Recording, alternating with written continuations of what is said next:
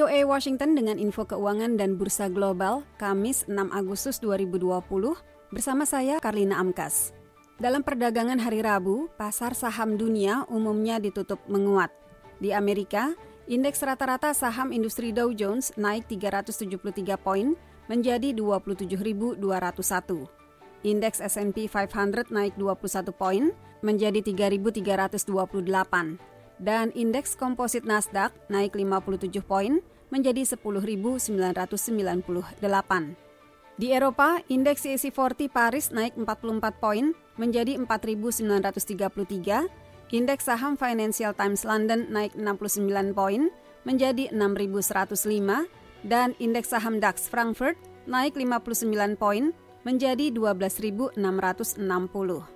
Di Asia, pasar saham ditutup bervariasi, Indeks saham Nikkei Tokyo turun 59 poin menjadi 22.515, tetapi indeks Hang Seng Hong Kong naik 156 poin menjadi 25.102. Dari nilai tukar mata uang, 1 euro setara 1,1 dolar Amerika, 1 pound sterling Inggris setara 1,3 dolar Amerika, 1 dolar Amerika setara 105 yen Jepang, dan menurut catatan Bloomberg, 1 dolar Amerika setara 14.550 rupiah. Dari pasar komoditas, harga emas naik 34 dolar 30 sen menjadi 2.055 dolar 30 sen per troy ounce. Harga tembaga naik hampir 2 sen menjadi 2 dolar 91 sen per pon. Harga minyak mentah Amerika naik 74 sen menjadi 45 dolar 17 sen per barel. Harga kakao atau biji coklat naik 27 dolar menjadi 2.474 dolar per ton. Dan harga kopi turun tipis tetapi tidak mengurangi harga, tetap 1 dolar 23 sen per pon. The Voice of America. Perhatian bursa saham Amerika, Wall Street di New York pekan ini mengarah ke Washington Pejabat-pejabat Kongres dan Gedung Putih sedang berunding untuk memberi bantuan tambahan bagi ekonomi yang sedang kesulitan. Menurut investor, bantuan itu sangat penting dan perlu segera karena jutaan orang masih menganggur dan tunjangan pengangguran mingguan 600 dolar dari pemerintah baru saja berakhir. Menteri Keuangan Stephen Mnuchin mengatakan, kedua pihak berkomitmen mencapai kesepakatan pada akhir pekan ini untuk melapangkan jalan bagi pemungutan suara pekan depan. Meskipun para perunding mengatakan kedua pihak masih belum mencapai titik temu atas masalah-masalah utama. Desakan pada Washington untuk bertindak cepat semakin meningkat.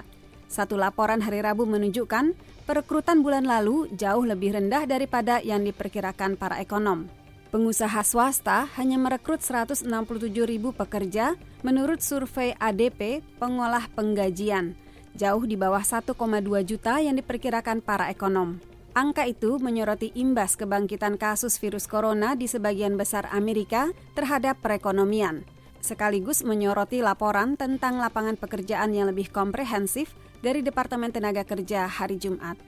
Pasar saham terus menguat meskipun perusahaan-perusahaan yang terdaftar di dalam S&P 500 tampaknya akan melaporkan penurunan sekitar 34 persen laba per saham dari tahun sebelumnya, menurut FactSet. Investor bersiap menghadapi penurunan yang bahkan lebih curam. Mereka juga bertaruh penurunan laba akan terbukti hanya sementara. Pendapatan akan pulih menurut mereka ketika ekonomi dibuka kembali dan vaksin baru untuk mencegah virus corona diharapkan membantu dunia kembali normal. Saham Novavax melonjak 13,3 persen setelah perusahaan biotek itu melaporkan data tentang kandidat vaksinnya untuk COVID-19. Analis memperingatkan agar tidak menafsirkan data secara berlebihan, tetapi menyebut data itu memunculkan harapan. Sektor jasa memberi gambaran beragam tentang ekonomi. Mencakup retail, perawatan kesehatan, dan transportasi, sektor itu merupakan bagian terbesar ekonomi Amerika. Sektor itu tumbuh pada Juli untuk bulan kedua berturut-turut. Menurut survei yang dilakukan Institute for Supply Management. Sektor itu naik sedikit lebih cepat dari yang diperkirakan para ekonom. Imbal hasil Treasury naik menutupi sebagian kerugian sehari sebelumnya ketika anjlok ke level terendah dalam hampir lima bulan. Imbal hasil obligasi 10 tahun naik menjadi 0,55 persen dari 0,51 persen pada Selasa sore.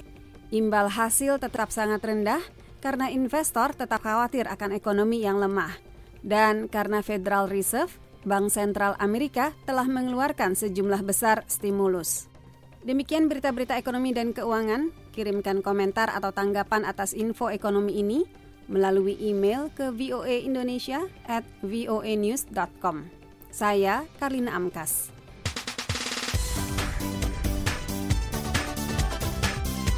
The voice of America.